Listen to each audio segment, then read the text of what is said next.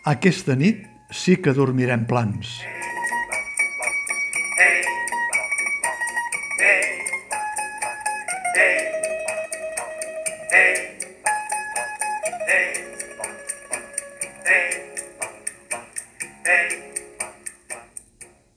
Aquesta nit sí que dormirem plans, diu el personatge Domenico Soriano, napolità de raça, esgotat per una jornada de noces a la maduresa que s'endevina que ha estat atrafegada.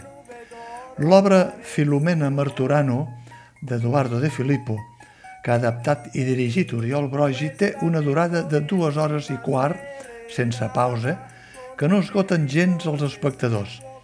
Ben al contrari, passen d'una revolada i quan els espectadors, benvingut amb el 70% d'aforament, en un ambient que torna a recuperar l'escalfor, encara estan aplaudint d'en peus, que estrany que és veure espectadors espontàniament a peu dret en una obra catalana, fa la impressió que tot acabi de començar. Crec que tothom en voldria encara una mica més de la tal Filomena Marturano, sobretot per continuar veient, escoltant, paladejant cadascun dels personatges napolitans de l'obra, o potser volen ser catalans. Domenico Soriano i Filomena Marturano, parella de fet des de fa un quart de segle, potser sí que dormiran plans la nit de noces, però els espectadors surten de la nau gòtica del Teatre de la Biblioteca de Catalunya reviscolats i ben desperts, com si haguessin passat per una sessió de fitness teatral que els estimula els sentits i no els farà cap falta dormir plans. L'obra d'aquest estiu es diu Filomena Marturano, que ningú no en tingui cap dubte, i potser hi haurà repicó a la tardor, o més endavant, n'hi hauria d'haver. La companyia i el retrat costumista napolità, i ho dic en sentit positiu perquè de fet hi ha tragèdia i hi ha comèdia, li ha sortit una altra vegada a Oriol Brogi rodona, al voltant d'una espectacular, expressiva, explosiva i al final emotiva actriu Clara Segura, fent de Filomena Marturano. Fan falta dues hores i quart perquè Filomena Marturano aprengui a plorar. Hi ha també el matís expressiu de cadascun dels altres personatges d'Eduardo de Filippo. L'adopció a la Perla 29 d'Enrico Ianiello, actor molt popular a Itàlia per la telenovela Un passo del cielo, on interpreta des de fa sis temporades i més de 80 episodis des de 2011 el comissari Vincenzo Napi, però establert també Catalunya on ha plantat fins i tot un parell de fills, juga molt a favor d'aquesta aura de credibilitat atmosfèrica del paisatge de l'obra. I al voltant de la parella protagonista hi ha la veterana i suggerent actriu Marissa Josa, capaç de tintar de caràcter personal qualsevol personatge, ja sigui d'alçada o d'acompanyament, o la facilitat amb què l'actriu Montse Bellveí ha passat de la seva habitual elegància a fer aquí de serventa espavilada, o el doblet que hi fa l'actriu Carla Vilaró des de la picaresca jove amant de Domènico a la cubanera modista de Filomena amb el fil i l'agulla de cosir els llavis. I encara els personatges, com elles, també mal anomenats secundaris, malgrat que tots són en part protagonistes.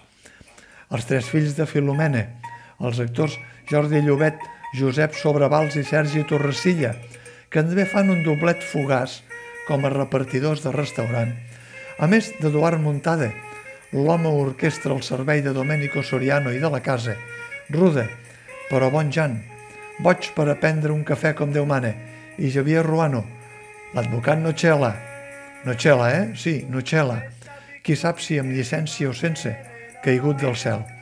Tots ells regalant una expressivitat localista napolitana o catalana, com deia, si voleu, perquè ni que el cap de l'obra sigui a Nàpols, el cor és a Catalunya. El director Oriol Brogi ha fet una trapelleria lingüística que em sembla que no està exempta de debat. A l'obra hi ha català, espanyol, que napolità i italià, olla barrejada. Filomena i Domenico són els que juguen més amb aquesta barreja plurilingüística. Hi ha alguna tirada en napolità de Domenico gairebé inintel·ligible, però exultant. Hi ha alguna barreja en italià i hi ha frases que comencen en català o en espanyol i acaben en espanyol o en català. Ja he dit que era una trapelleria de l'adaptació que podria haver optat per qualsevol altra combinació. Aquí, Domenico tira a parlar en espanyol i la majoria dels altres personatges s'hi adrecen. Un perill subtil del foment de l'antiga diglòsia que, en aquest cas, la força de l'argument de l'obra i la traça d'Eduardo de Filippo i, sobretot, la potència interpretativa de la companyia difuminen i ho deixen en segon pla. Debat de fons, ja he dit, més aviat ideològic que no pas teatral. A Filomena Marturano hi ha de substrat la guerra de poders, el desig de Filomena de salvar la família per davant de tot, de salvar els fills ni que sigui sota el preu d'acceptar el cinisme i els diners, és clar, de Domenico Soriano. Hi ha l'aposta per la dignitat, la dignitat dels fills que es mereixen el nom d'un pare i que és també la dignitat de la mare que ha deixat els tres fills durant un quart de segle en mans acollidores sense donar-se a conèixer com a mare.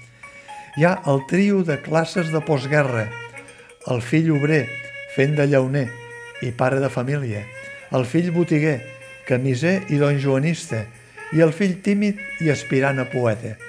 Hi ha pinzellades de música popular napolitana que marquen només les pauses i els canvis temporals.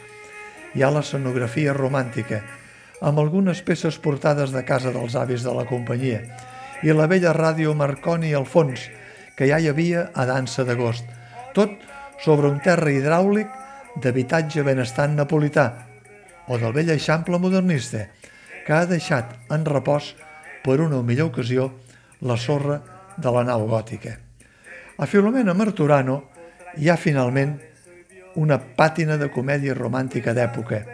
Els espectadors més veterans de segur que no es poden treure del cap les imatges en blanc i negre, oblidem-nos de les recuperacions restaurades en colorets, de Sofia Loren i Marcello Mastroianni, en la versió de Matrimonio all'italiana del 1964, dirigida per Vittorio De Sica i produïda per Carlo Ponti, parella sentimental de Sofia.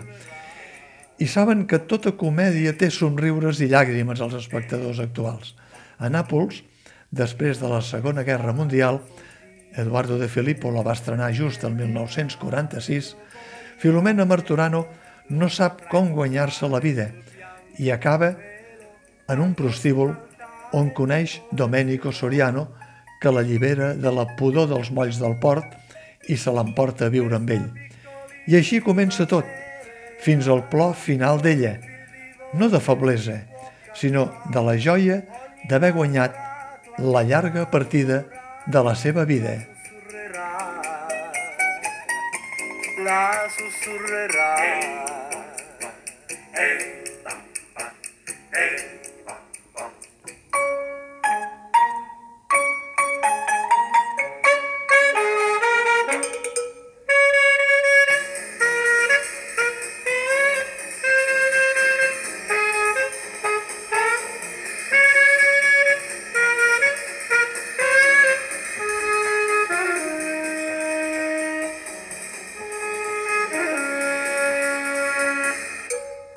piccolissima serenata. Con un fil di voce si può cantare. Ogni innamorato all'innamorata la sussurrerà. La sussurrerà. La sussurrerà. La sussurrerà